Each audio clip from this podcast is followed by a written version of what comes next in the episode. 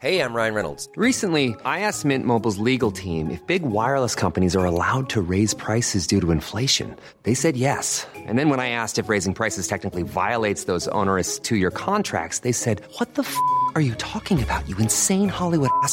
F- So to recap, we're cutting the price of Mint Unlimited from $30 a month to just $15 a month. Give it a try at mintmobile.com slash switch. $45 upfront for three months plus taxes and fees. Promo rate for new customers for limited time. Unlimited more than 40 gigabytes per month. Slows. Full terms at mintmobile.com. Hei, hei. Plutselig var vi tilbake igjen, vi. Det er fordi vi har lyst til å gi deg en liten bonusepisode igjen, og det er del to av dette live-eventet vi hadde i Kulturkirken Jakob tidligere i år. Del én ble gjort tilgjengelig for en måneds tid siden. Her kommer altså del to, og det handler om stress. I tillegg så vil Hedvig Montgomery svare på en del spørsmål om ymse ting som kommer fra publikum. God fornøyelse.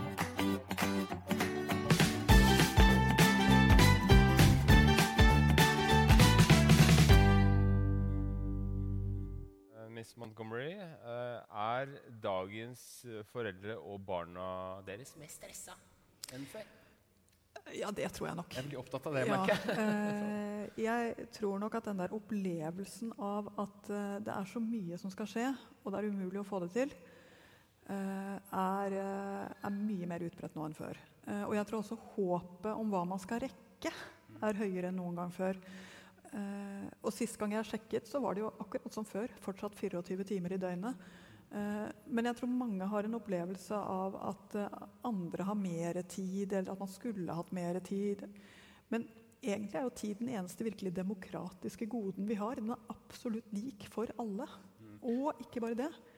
Det kommer 24 nye timer hvert eneste døgn til alle, helt til vi ikke får det lenger.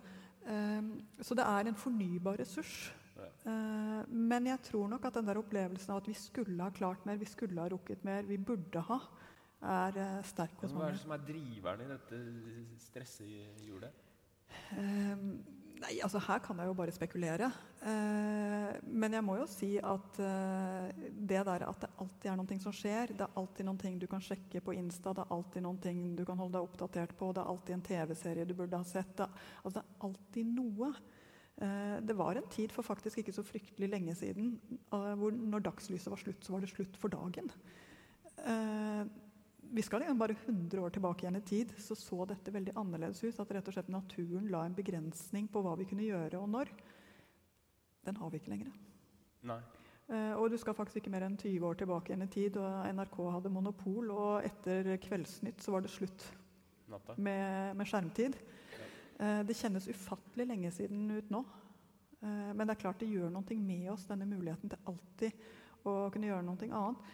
Jeg hadde en nydelig jente innom kontoret mitt som spurte hva som var annerledes da jeg var ung. Jeg vet ikke hvor man skal begynne henne, for det er jo pinlig mye. Eh, Men bare for å begynne et sted, så sa jeg vel det fantes f.eks. ikke treningsstudio. Eh, og da mistet hun virkelig helt sånn munn og mæle. Hva gjorde dere for noe da? Eh, og så snakket jeg litt om det at nei, vi gikk jo tur for å bevege oss, og ellers så var det mye mer sånn at vi hang. Og hun sa åh, jeg skulle ha vært ung da du var ung. eh, for det er klart, denne streben etter å forandre kroppen, forandre tiden, rekke mest mulig, det er klart den koster litt. Eh, Hva er egentlig stress? Altså, det er slik at vi har en kapasitet som er omtrent som en strikk, alle sammen. Eh, og den strikken kan vi holde helt eh, avslappet inne, eller vi kan strekke den ut til maks når det trengs. Vi har noe å gå på, rett og slett. Eh, og naturen har jo gjort det sånn at vi skal kunne ta i et ekstra tak når det trengs, når det skjer noe ekstraordinært. Det er meningen at vi skal ha den der ekstra gir eller de ekstra kreftene for spesielle situasjoner. Så Derfor så er vi da rett og slett konstruert med denne strikkmuligheten til hvor mye vi kan klare og hvor mye vi kan gjøre. Eh, det må jo også sies at det å av og til holde den strikken ute til maks er veldig tilfredsstillende, fordi du får gjort masse. Du føler deg som eh, King Kong eh, når du får til enda mer enn det du trodde var mulig. Men det som er så interessant med den strikken, eller også litt skremmende, det er at den er ikke laget for å holdes helt utstrukket for lenge av gangen. Da tørker den, da blir den skjør. Og jeg tror vi alle har opplevd det at i perioder hvor det har vært altfor mye, så blir vi til slutt skjøre. Vi går selv i knas for fryktelig lite. Eh, det gjør oss rett og slett mindre stabile og også mindre i stand til å håndtere én ekstra ting. For vi har jo allerede brukt opp den ekstra kapasiteten som ligger i strikken. Så eh, stress er rett og slett vår evne til å ta i et ekstra tak når det trengs. Eh, det er en veldig fin ting vi har. Men når det blir for mye ekstra ting, og vi bruker den kapasiteten hele tiden, så blir vi til slutt sjuke. Hva, hva, er de, hva, er de, beste um, verktøyene da, for at ikke strikken skal bli marked, men være elastisk og deilig? Så fint. ja. eh, altså I forhold til mat så skal vi tenke på at én ting er oss og hvor stressa vi er. Og som foreldre har vi jo, eh, vi er jo som alle andre litt selvopptatte. Eh, så Som foreldre er det lett å tenke på hvor stressa vi er, og det er virkelig viktig å passe på seg selv. Men vi skal jo også passe på at barna lever liv som ikke blir for stressende. Og jeg tror nesten jeg begynner der, før jeg hopper over på oss igjen. Yeah. um, og jeg tenker at noe av det vi har, det er å lage en dag som er ålreit for et barn på akkurat den alderen. Enten det er en tenåring eller det er et lite barn. Rytme, mat, søvn, at det er taktslag og forutsigbarhet. Nok søvn. Altså søvn er faktisk kroppens stressdetox. Helt naturlig. Eh, og det betyr at det å passe på eh, å få til den der roen rundt søvn er foreldreoppgave nummer én. Pussig nok. Men eh, det trenger ungene. Det er når de sover at de eh, renses, at de blir klare for en ny dag, at de får de der blanke arkene. Eh, og så tror jeg også at det å lære barn til å bruke strikken sin faktisk er et poeng. Det er ikke at det skal være avslappet hele tiden, men det skal ikke være like intenst hele tiden. Så det at det er aktiviteter og, og ting som skjer med, med ulik intensitet eh, Og stort sett så er barn klar for de store tingene og de tingene som er mye tidlig på dagen. Eh, og så trenger de en liten runde til rett før legging. Eh, nesten litt uavhengig av alder. Men du er opptatt av eh, den øh, Så vidt jeg oppfatter, i hvert fall. Opptatt av også den litt sånn dødtiden. Mm. Hengetiden. Mm. Som, man, som, man, ikke er så vant til lenger, da, kanskje. Mm. For når man pumper på med disse stimuliene hele tiden. Mm. Og hvorfor er det viktig for ja, barn og voksne, kanskje? Ja, altså den tiden og jeg vet ikke, Som forelder blir jo dette veldig tydelig. Jeg vet ikke hvor ofte du er alene hjemme. Nei, ikke så ofte. Men tenk deg den følelsen når du kommer inn i leiligheten, og det bare er deg. Mm. Den følelsen at du bare kan sette deg ned. Mm. Det er en kvalitet over det å bare være som er nesten glemt. Fordi vi i våre dager i samme bevegelse som vi setter oss ned, tar opp mobiltelefonen, og så er vi ikke alene lenger. Mm. Det gjør noe med hjernen vår som jeg ikke tror er spesielt sunt. Eh, og så sier mange foreldre men barna våre setter seg ned med skjerm så fort de får en mulighet. Mm. Og det er helt sant. Men det som er så fascinerende med denne være alene-tiden, gjøre hva jeg vil-tiden, denne neste halvtimen kan jeg gjøre hva jeg vil-tiden, det er at det gir deg en mulighet til å faktisk være mye mer i aktivitet og mye mer kreativitet etterpå. Det er mye opplading i det.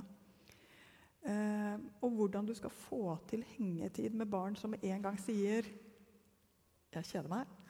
Mm -hmm. Eh, det er jo tusenkronersspørsmålet. Til det tror jeg det er to ting å si. Og Det ene det er at det gjør ikke noe at de kjeder seg.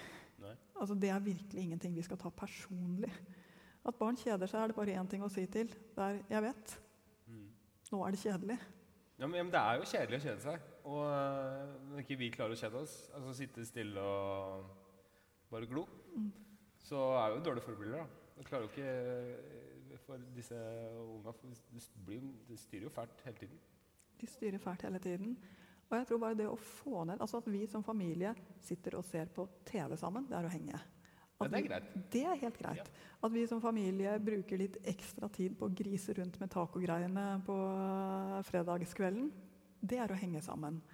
Eh, det at vi som familie bruker litt ekstra tid, og det ikke gjør noen ting når vi skal fra et sted til et annet. Det at ikke allting er så effektivt hele tiden, det tror jeg nesten er den muligheten vi har i dag til å legge inn hengetid. Mm. I introen her så var det en uh, mamma som prøvde å begrense bruken av begrepet 'dårlig tid'. Dårlig tid. Eh, og det er det gode grunner til, da, forstår jeg på deg. Altså, nå må jeg bare si, Barns tidsoppfatning. Jeg vet ikke om du har prøvd å få noen av dine barn til å forte seg? Men jeg har ikke tenkt så mye på det før du sa det. Altså, Jeg sier det jo hele tiden. da. Må Skynde oss, skynde oss, skynde oss. skynde oss. Og hvordan? bare, ja, det går jo ikke akkurat inn, nei. nei. Ikke sant? Det er gode grunner til det, sikkert. Eh, fordi barns oppfatning av tid er i starten ikke tilstedeværende. Eh, så den første året bruker vi jo faktisk på å lære barna forskjell mellom natt og dag, og, og lage rytme i tiden for dem. Eh, konseptet tid sitter egentlig ikke ordentlig for dem før de kommer opp i skolealder. Så det er ganske lenge til dine unger har noen forståelse av hva du mener for noen ting. Når du sier 'nå må vi skynde oss'. Det demmer ikke. Ja. Eh, og om du da sier at vi har lite tid eller dårlig tid, effekten er akkurat den samme. De ser på deg og lurer på hva slags kaudervelsk det er du snakker. Eh, så er, jeg syns jo det er helt fascinerende. Og den minst stressbare alderen av alle tror jeg er seksåringene. Fordi de er så inne i sin egen boble og kan glemme hva de holder på med mens de gjør det. Eh, de kan kle på seg og så gå rundt med halv ene buksebenet på og andre av. Og når du sier 'skal du ikke ta på deg begge', så sier de 'å jo'. Eh, som om det var en slags ny innsikt. Um, så jeg tror ofte vi overvurderer eh, hva det vil si. Altså hva er det for noe med barnas stress? Så begynner de å få en idé med tid. Eh, og da ser vi ofte at barn blir altfor opptatt. Altså de prøver så hardt å få til dette med skoleklokka som ringer inn, og sånne ting, så de, de rett og slett bare gir opp, for de får det ikke til. De kapitulerer litt. Eh, så jeg tror det er mange grunner til at eh, det å snakke med barn om dårlig tid Nå har vi dårlig tid. Du får ikke så mye igjen for det. Men samtidig så er vi jo der at jeg har et møte jeg skal rekke. Nå Ja, må vi komme oss ut. Eh, og jeg ligger mye mer der og slurer det. Jeg sier eh, til barn i barnehagealderen Jeg vet, vi skulle gjerne gjort mye mer her nå. Men nå må vi bare komme oss videre. Nå er det barnehage. Altså Jeg bare viser til neste punkt på programmet. Det har de lettere for å forstå enn det litt eh, abstrakte konseptet tid. Og oppe i skolealder så er jeg mer på at jeg vet, skulle gjerne hatt mer tid om morgenen. Men her er vi. Og skolen begynner ti over åtte. Eh, kan du ta på deg skoene, eller? Eh, og fortsatt tar det ganske lang tid for min tiåring å få på seg skoene. Men du er inne på seksårsalderen, og der er det vel også Det, det skjer det ting i utviklinga også, gjør det ikke det? Eh, altså at det, det, det blir eh, Det er mye å ta inn eh, på en gang der. For det er skolestart, det er én ting, men så er det også eh, en utvikling eh, på gang der som gjør at ting blir complicated. Er det ikke? Absolutt. Altså Barn har noen veldig sånne sprang i hjernens utvikling i det som skjer inni dem, og det er veldig synlig for oss foreldre. Ja. Eh, så et sånt voldsomt sprang, eh, selvfølgelig helt de første årene, er et eneste stort sprang. Og så kommer det et stort sprang i seksårsalderen, hvor de går fra å eh, liksom være i den de er, se seg selv fra innsiden, gjøre ting på sin måte med sitt blikk, til å begynne å skjønne at andre ser dem utenfra, at det finnes andre måter å gjøre ting på. De begynner å sammenligne, rett og slett. Og de begynner å tenke logisk på en ny måte, som gjør at de kan lære seg å lese og skrive og alle disse fine tingene som skolen tar opp i seg. Men det er kanskje den største kvalitative spranget vi har i vår måte å tenke på, kommer i seksårsalderen. Det er klart det er stressende. Du kan ikke holde på å tenke på allting da, og du blir lettere sur. Eh, vi ser at vi har et annet ganske betydelig sprang når de er 11, hvor de også får en veldig vekst eh, og tilegner seg raskt mye kunnskap. Men da har vi den fordelen at de føler seg flinke. Så de blir ikke så stressa av den eh, utviklingen der. Men så kommer tenårene. Eh, og da får vi det motsatte, nemlig at de får en periode hvor de ikke har så lett for å tilegne seg ting, og hvor eh, de føler seg faktisk altså Det er så mye de skal forholde seg til, det er så mye de skal finne ut av. De skal finne sin identitet, sin, uh, hvem de skal være med, hvordan de skal være, hvordan de skal se ut. De skal prøve ut forskjellige klesstiler, de skal prøve ut forskjellige eh, litteraturstiler, filmstiler, musikk. Det er så mye. Uh, og da får vi også et, et sted hvor stress slår voldsomt inn. Hvordan skal man hjelpe dem da, til å guide eller, eller stresse ned da, i eh, en sånn eh, stressituasjon som kommer dels innenfra og dels utenfra, antagelig? Altså du kan si at med barna så må vi rett og slett se på alder. Mm. For de minste barna så er det veldig mye kroppskontakt og nærhet som gjør at de roer seg ned. Mm. Eh, og den kroppskontakten fungerer langt opp i årene, faktisk helt inn på sykehjemmet, tror jeg. Mm. Eh, hud mot hud er den mest effektive måten å kjenne seg både roligere og nær noen som vi har. God Klem? En god klem. Ja. Ja. Eh, når de kommer opp i, i barnehagealderen, så eh, tror jeg at vi skal være klar over at det er vi som må passe på å ikke lage for mye stress. For her er det ofte vi som ligger for langt foran barna. Vi vil mer enn det som er teknisk mulig for en treåring eller en femåring. Eh, vi må tilpasse familien og ambisjonene våre rett og slett hva som er mulig å gjøre det. Eh, når vi kommer opp i barneskolen, så er det ofte barna som ligger foran oss. For plutselig så er det de som ser at de har lyst til å gjøre ting, de har lyst til å delta på det, de har lyst til å leke med den. Altså Verden åpner seg sånn for dem. Eh, og de trenger vår hjelp til å ikke forstrekke seg. Du kan ikke gjøre allting på en gang. Du, prøv den aktiviteten dette halvåret. Hvis du fortsatt har lyst på den andre, så kan du ta det neste. Altså, hjelp dem til å lage dager som funker. Så å dra på med for mye fritidsaktiviteter og sånn i den perioden er kanskje ikke så god idé? da, eller? Rett og slett at det, da, det du spiser opp, er deres mulighet til å kose seg med det. Uh, og jeg, vet ikke, jeg tror eh, en, et av mine barn sa det sånn Jeg føler av og til at jeg bare får dyppe tåa nedi, og så er det liksom noe nytt. Eh, så det er, det er, vi må hjelpe dem til at det går an å få gjort det på en ålreit måte. Så er det også, og det må jeg si, altså noen barn er nesten ustressbare. De er så bedagelige, og de vil heller ikke gjøre noe, for de er redd for å bli stressa. Ja. Og de trenger faktisk å lære seg at det går fint. Så der må vi gjøre det motsatte. Vi må si ja, du syns kanskje det blir mye med, med den fotballen, men jeg skal hjelpe deg. Du kommer deg på det. Det kommer til å funke. Vi prøver. Så noen barn trenger faktisk hjelp til å begynne å bruke stressmuskelen sin.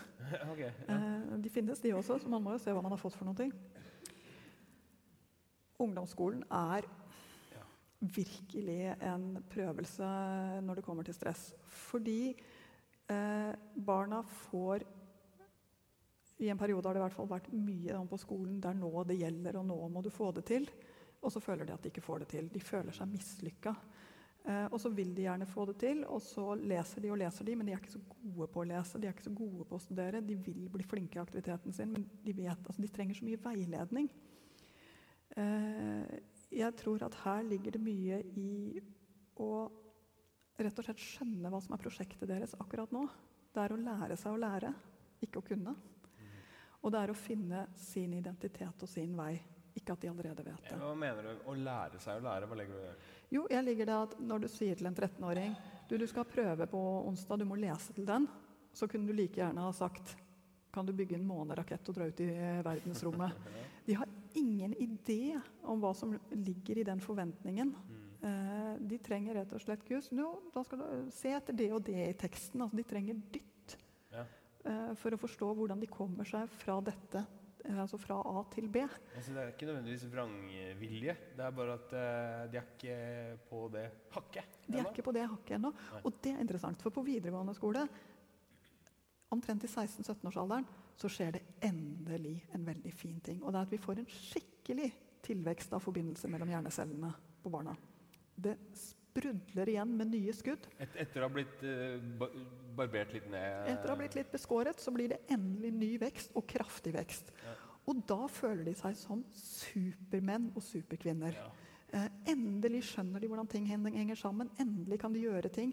Mange blir endelig også for knekke den der hvordan man kommer inn i gjengen. Altså, det skjer en ny sånn mulighet. Og da er det lett å overbruke den. Og vi ser ganske mange slitne 17-åringer som rett og slett strekker seg for langt. Som da ikke sover nok, eh, spiser nok, tar vare på seg selv.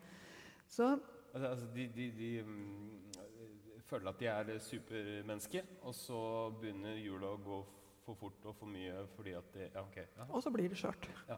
Så blir det skjørt. Eh, fordi det som er så interessant med stress, Det er at det å lære seg å håndtere disse mulighetene som kroppen gir deg til å ha det ekstra giret å gå på, men det krever at du tar vare på deg selv også. Dette er langsom kunnskap, men det er jo den kunnskapen vi vil gi til barna våre. Vi vil gi den kunnskapen hva søvn betyr, hva det betyr for noen ting å leve et liv som er godt å leve.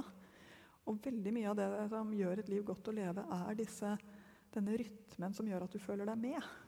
Din puls.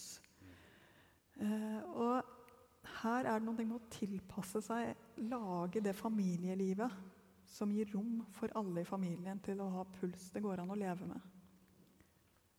Ja, hvordan gjør man det, da? hvordan lever man? Hvordan lever man? Ja, Eh, og jeg syns vi hørte det så veldig fint i introen vår. Du føler som foreldre at du er så utilstrekkelig. Så mye. Eh, vet du hva? Jeg treffer så mange foreldre, og de er så tilstrekkelige. De gjør så fine ting. Det, er det trengs kanskje ikke så mye som det vi tror. Eh, det, sier, og det er lett å ta ting for bokstavelig. Ja, det er viktig at du leker med ungene dine, men det betyr ikke at du trenger å leke med dem hele tiden. Nei, det var litt fint du sa. Ja, og ja, du, eh, det er viktig at du, eh, at du leser for ungene dine, men du trenger faktisk ikke å lese en time. Det er noe med å, å legge ambisjonsnivået der hvor det er mulig å leve. Og så må jeg si at frem til jeg Dette er litt flaut, men siden det bare er deg og meg og et par hundre andre her eh, Jeg trodde jo at livet var veldig kort. Fordi jeg eh, i min ungdoms overmot så for meg at 40-plussere var eh, rett og slett Da var livet over. Men en av de tingene som faktisk var vidunderlig med å bikke 40, det var at jeg skjønte at det åpnet seg opp massevis av nye år som man også kunne bruke. Livet er lengre enn det vi tror. Det gir flere muligheter enn det vi tror. Og alt trenger ikke å skje akkurat nå. Litt bare tilbake til uh, Vi skal snart ta litt spørsmål og sånn, men uh, jeg lurer jo jeg, jeg er ikke i den uh, fasen selv, men jeg har jo vært Jeg syns ikke det er så lenge siden jeg var tenåring, jeg. Så jeg husker jo mye av det som skjedde da. Selv om jeg har fortrengt en del, som jeg var inne på i stad. Men det der med å liksom hjelpe de av gårde og det, det er jo ikke så lett når eh, man får sånn derre snerpetryne og nedover munn og enstavelsesord og utskjelling eh, i retur. For all del. Men nå skal vi være klar over én ting. Så lenge vi har gjort mål på hvordan ungdom ser på foreldrene sine, så har ungdom aldri hatt et mer positivt forhold til foreldrene sine enn nå. Ok? Dagens foreldregenerasjon er sannsynligvis den beste tenåringsforeldregenerasjonen ever. Smak litt på den. Fint, ikke sant? Mhm. eh, og det andre det er at ja, det, er, altså, det renner over for tenåringer av og til. Deres kropp er faktisk i en ganske konstant stressituasjon pga. alt det som skjer inni dem. Og av og til så renner det så mye over at aggresjonen bare må gå et eller annet sted. Sosialt intelligente tenåringer tar det da utover dem det er tryggest å ta det utover. Mm. Mamma, pappa, småsøsken. Så at man skal ta det som et kompliment hvis man får litt eh, eh, altså verbal eh, møkk da, i sprut i trynet. Jeg må si at jeg, jeg Fra min egen tenåring syns jeg det mest fascinerende er hans måte å si 'ja da' på når jeg sier et eller annet. Eh, og da tenker jeg ja. ja. Eh, jeg, det skal mye til før jeg hekter meg på og, og fyrer opp den starten der. Eh, noe av det som er vanskelig, enten man har en trassete treåring eller en eh, introvert og sur 14-åring, det er å ikke bli sånn selv. Ja. Det er et eller annet med å ikke komme og gjøre det bli, Gå inn i den situasjonen og bli på samme måte.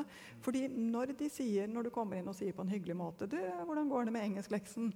Uh, og du trenger bare kaste et halvt blikk bort i boka for å se at engelskleksen går det egentlig ganske dårlig med. Eh, skrevet kanskje ingenting. Kanskje to setninger. Eh, og ungdommens reaksjon på dette er Du maser hele tiden, du lar meg aldri i fred, du stoler ikke på meg noen gang. Altså, du får hele den regla. Så er det klart, du har tatt en ungdom off guard. Du får forsvar fra ham eller henne tilbake igjen. Når du blir angrepet selv, hva skjer? Mm. Ja, det er Alle piggene bare sånn ut. ja. Uh, og så er vi i gang med noen ting som ikke fører noen steds i det hele tatt. Eller man kan også bli sånn, eh, sånn sår og fornærma også. Det jeg kjenner jeg av og til. At Hvis du f.eks. liker den deilige maten jeg har stått og, og lagd, be Nei vel, du liker ikke den. Jeg har stått der stått i flere timer og lagd deilig mat. Mild og fin og ikke forsterker smaken i det hele tatt. Det er lett å få den inn nå. Mm -hmm. Men du hadde estragon oppi. Jeg bare nevner det. Hva sa du? Du hadde estragon oppi. Ja, det var den estragonen. Tabbe, tabbe. Tabbe.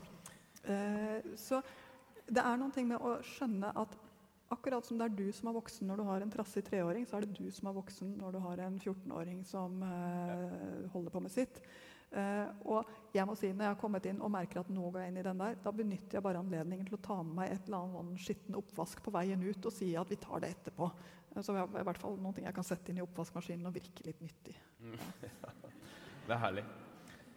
Da tenker jeg at eh, vi runder av denne eh, lille del to også. Men vi skal ta spørsmål, da. Eh, men det bare litt Jeg må bare spørre om en ting jeg lurer på først, hvis det er greit. da. At jeg har sittet i sånn ganske mange timer og pratet med deg og fått sånn eh, enorm sånn first class påfyll av eh, eh, barneoppdragelse og, og sånn. Men likevel, når jeg går, kommer hjem, og så bare er ikke så mye som skal til heller, så gjør jeg det stikk motsatt av det du har, det du har sagt. Eh, så, men så har jeg liksom stemmen i baki der som er. Men jeg gjør det ikke. Så eh, Nei, men jeg, synes Skjønner du sier jeg noe. jeg skjønner godt hva du mener. For det første må jeg bare si det går ikke alltid så rolig for seg hjemme hos meg heller. Ja, okay, tro meg. Eh, fordi livet er sånn som det er. Eh, men det er noen ting med å ikke la unntakene bli regelen hjemme. Det er et eller annet med å sette en musikk som dere har lyst til å leve til.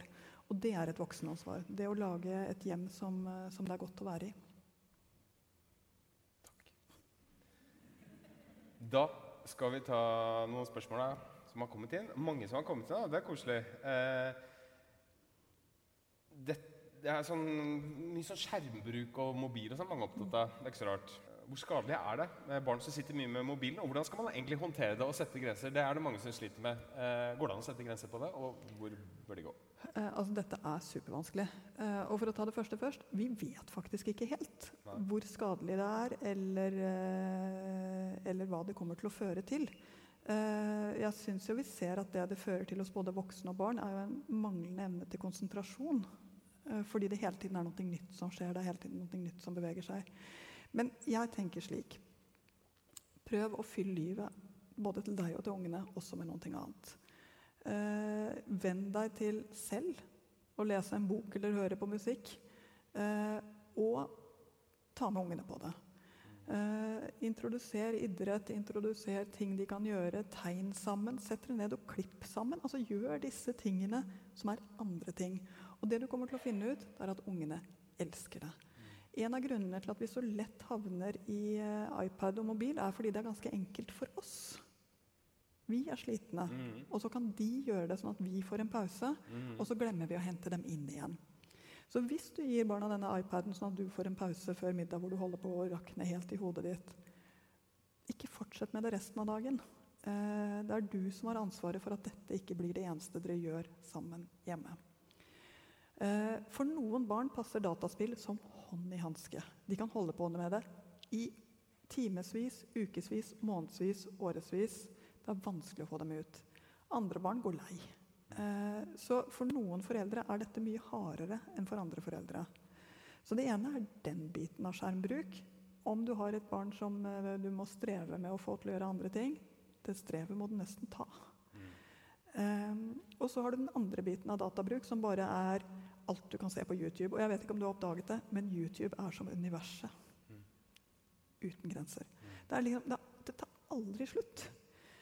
Eh, og når de først har funnet noen ting som de har hekta seg på, som de liker å se, så syns de det er helt fantastisk.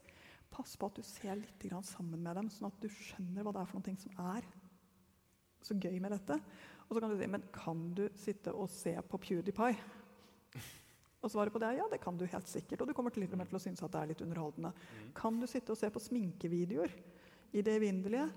Eh, ja, faktisk. Det er alltid noen nye triks å fange opp. Altså, det er eh, forbløffende greier. Eh, så pass på at det ikke blir en sånn boble hvor barna er helt uten noen som interesserer seg sammen med dem. For så fort man har interessert seg sammen med dem, så skjer den fascinerende tingen. Da kommer de til å begynne å snakke med deg om det. Og når de begynner å snakke med deg om det, now we're talking. Vil de alltid ha liksom en som står sånn og over deg? Ja, du, kan, du trenger jo ikke du kan sette det ned, da. Ja, okay.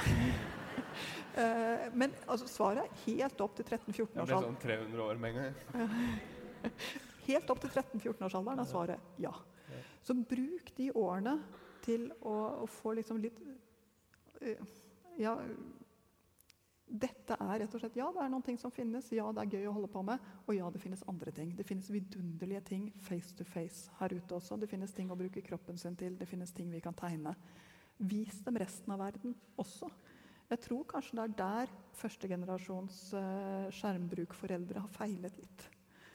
Eh, og det andre det altså, er mener du at det er at er opphengt i å sette, å sette grenser? Å sette sånn tverre grenser, på en måte? Eller? Vi har vært mer opptatt av å sette grenser for skjermbruken enn å vise resten av Ja, verden. ja, mhm. Ja.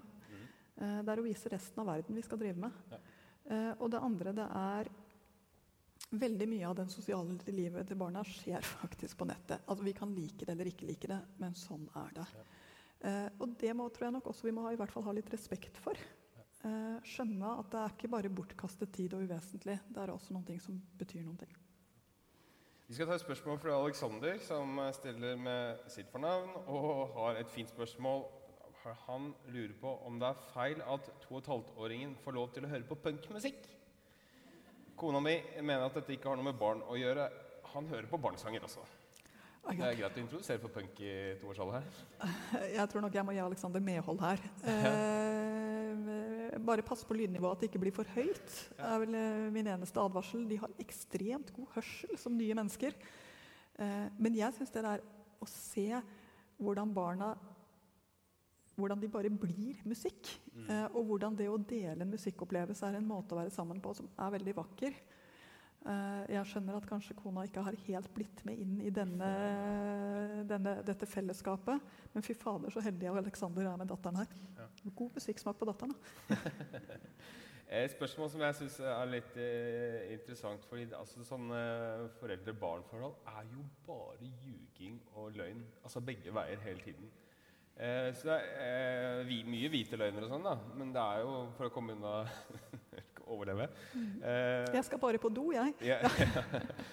eh, så er det en som lurer på hvordan man skal håndtere barn som lyver. da. Mm. Seksåring som eh, forteller at han blir slått på skolen. Og så når du snakker med læreren, så sier han at uh, bare tulla. Mm. Så hva handler dette om? Oi, ja, ja. Altså for det første, barn lyver masse. Uh, og de har en ganske blomstrende fantasi som gjør at løgnene kan være ganske utbroderte, hvis du skjønner hva jeg mener. Eh, jeg tror at vi skal være klar over at Seksåringene er i en alder hvor de prøver ut sterke følelser. De elsker og de hater, de skal drepe og de drepes. De, de bruker så store ord som de ikke skjønner innholdet av. Og Det betyr f.eks. at når seksåringen sier 'jeg blir slått' på skolen, så kan det være sant. Eller det kan bare være at det å si 'jeg blir slått på skolen' nesten er et rush av å prøve noe helt nytt å si. Eh, Så tenker jeg på det som løgn. Nei, jeg tenker faktisk ikke på det som løgn. Jeg tenker på det som en seksåring som prøver ut nye ord, nye begreper, nytt innhold, nye liv, nye fantasiverdener også av og til. Så ha alltid litt sånn is i magen og si 'OK, sier du det?' Eh, og så hører du mer. Eh, fortell mer. Og så finner du stort sett ut av hva som er store nye ord i munnen, og hva som er det. De blir litt flinkere til å lyve etter hvert. Eh, men selv tenåringer lyver hjelpeløst dårlig og er lette å avsløre. Eh, de lærer seg å lyve på en mer voksen måte når de blir voksne. Eh, men Vi har liksom lett å tenke at barns løgn er en moralsk defekt, at de ikke kan forskjell på rett og galt. altså Vi har jo mye den måten å snakke om det på. Eh, og til en viss grad så er det sant. De lærer seg forskjellen på rett og galt etter hvert som de blir eldre. Eh, og når du finner ut at det der med å bli slått på skolen bare var tull, så kan du si ah, så det var liksom litt annerledes enn det du sa. Uh, og det vil være nok til at det ikke blir noe mer lyving på den måten. Uh, altså, ikke slå inn spikeren med en for stor hammer. Eh, fordi det å tape ansikt er like vondt for en seksåring eller en tiåring, kanskje enda vondere enn for en voksen. Finn ut av det. Bra. Eh, ja um, det var, Hvor ble den av? Ja, Er det generelt en ganske dårlig idé og litt dårlig gjort overfor barna å gå i matbutikken etter barnehagen? Dømt til å gå galt? spørsmålstegn? Ja, hvis du har barn Ledende spørsmålstegn? ledende spørsmålstegn. Hvis du har barn i barnehagealder uh, Hva heter det for noe? Eh, netthandel? Ja. ja. Veldig smart.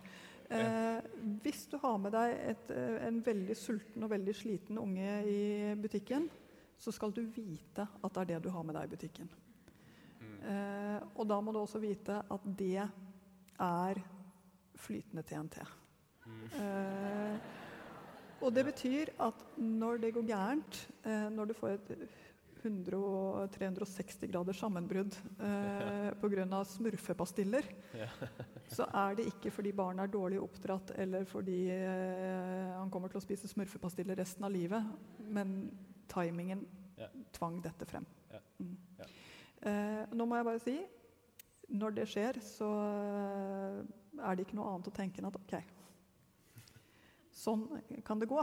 Ja. Eh, og så får du se Har du veldig mye krefter selv, hatt en rolig dag på jobben, så klarer du sannsynligvis å si å, venn, det er så godt med smurfepastiller, men dessverre, det går ikke i dag. Og du vil komme deg unna fra det. Men har du hatt en normal dag på jobben og er omtrent der selv, så kommer du til å gå ut med den smurfepastillpakken. Det, det er det det koster eh, å handle etter barnehagen. Eh, det er jo mulig, kanskje, eh, også å forandre seg i voksen alder. Og da er det en som tar opp tråden litt fra den første uh, runden her, uh, som sier at hun, kjenner, hun eller han kjenner seg litt igjen i den ettergivende oppdragerstilen. Har du noen tips til hvordan man kan bli mer bestemt? Eller tydelig, kanskje? I situasjoner som krever voksenledelse. Eh, jeg, og, dette gjelder faktisk ganske mange. Eh, noen ting har gjort oss engstelige. Engstelige for å ta ledelsen, engstelige for å høre vår egen stemme, engstelige for å si noen ting tydelig. Eh, vi kjenner at idet vi sier 'nei, det kan du ikke gjøre', så begynner vi å trekke det. Det kommer med en gang. Og det er ikke noe, det er ikke noen god følelse, det heller. Eh, du har lyst til å være snill, men du ender opp med å være dine barns slave. Eh, så, det er en vond situasjon å være i. Men om det går an å endre seg i voksen alder Ja, her kommer den vidunderlige tingen. Hjernen er i endring så lenge vi lever. Det er muligheter til å endre disse sporene, disse fryktene, disse raske mønstrene våre så lenge vi er her.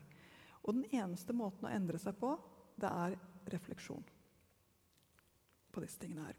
Det vil si at når du står der, og så kjenner du det, og så blir det sånn som det blir, og så tenker du etterpå det var nettopp en sånn situasjon. Papir og penn vidunderlig måte å komme seg videre på her. Skriv ned. Hva var det som skjedde? Hva var det jeg sa? Hva kunne jeg gjort annerledes? Hvor kommer det fra? Hva gjorde at det ble slik? Altså, La deg selv få bruke litt tid både til å skjønne at ja, sikkert ikke så tilfeldig at du har havnet der. Kanskje noen veldig kjipe opplevelser på barneskolen, kanskje noen veldig vanskelige ting som skjedde i studietiden eller tidligere. Jeg vet ikke.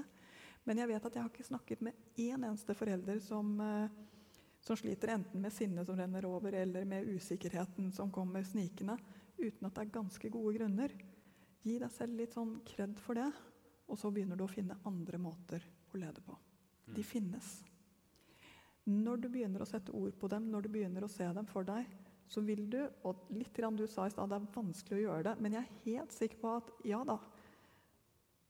Du kommer hjem og tenker 'nå skal jeg bare være sånn', og så du, går det litt annerledes. Men det, noen ting har du med deg, noen ting beveger, gjør at du beveger deg litt annerledes, at du har en litt annen forståelse av hva som skjer. Og det gjør at du skritt for skritt for skritt blir litt tryggere, blir litt mer. Ja. Eller så kan man gå ut til terapeuten, da. Det kan du absolutt. Eh, Og jeg må bare si at eh, familiekontorene har ganske gode eh, muligheter til å, å være en hjelper underveis. Ja, ok. ja. Sitter han der og ler for seg selv, liksom? Jo, nei, men jeg, dette lurer jeg på selv. Ja. Det er, tåler barn ironi? Litt. Ja, ikke sant. Eh, altså De små barna vil ofte altså Noen barn har faktisk en ganske god forståelse for ironi ganske tidlig. De fleste barn har det ikke. Eh, og så er det noen barn som har ganske god forståelse for ironi tidlig, men så mister de det helt og blir veldig bokstavelige eh, når de kommer opp eh, i fem-seksårsalderen. Okay. Sånn at det rett og slett endrer seg. Så her må jeg bare si Mitt beste tips til, eh, til foreldre her er se hva barnet ditt ler av. Hva slags YouTube-klipp, hva slags humor, hva, hva slags vitser. Det gir deg en ganske klar idé om, eh, om hvor modenhetsnivået ligger eh, på, eh, på humoren. Eh, og ler de av eh, bæsj på hodet, så er det bæsj på hodet som er gøy, ikke så mye altså, Ja, det er, det er morsomt, da. ja. Ganske gøy. Eh, men når det er sagt, så må jeg bare si at mitt beste hurtigtips for å virkelig ha en fin stund med ungene, er faktisk å sette seg ned og le sammen med dem av det de syns er gøy. For de fleste barn så kommer ironien ganske langt ut i løpet. Og med det så avslutter vi dagens episode. Du skal ikke se bort fra at vi plutselig er tilbake igjen i feeden din en gang til i løpet av sommeren. Uansett så har vi en god nyhet, og det er at sesong fire av Foreldrekoden starter opp igjen medio skolestart i august måned, tror vi. Hvis du har eh, innspill, forslag, ønsker i forkant av dette, så send gjerne en mail til foreldrekoden at aftenposten.no. Du kan også melde deg inn i Facebook-gruppa vår og diskutere med andre foreldre. Komme med forslag der også. Vi følger med.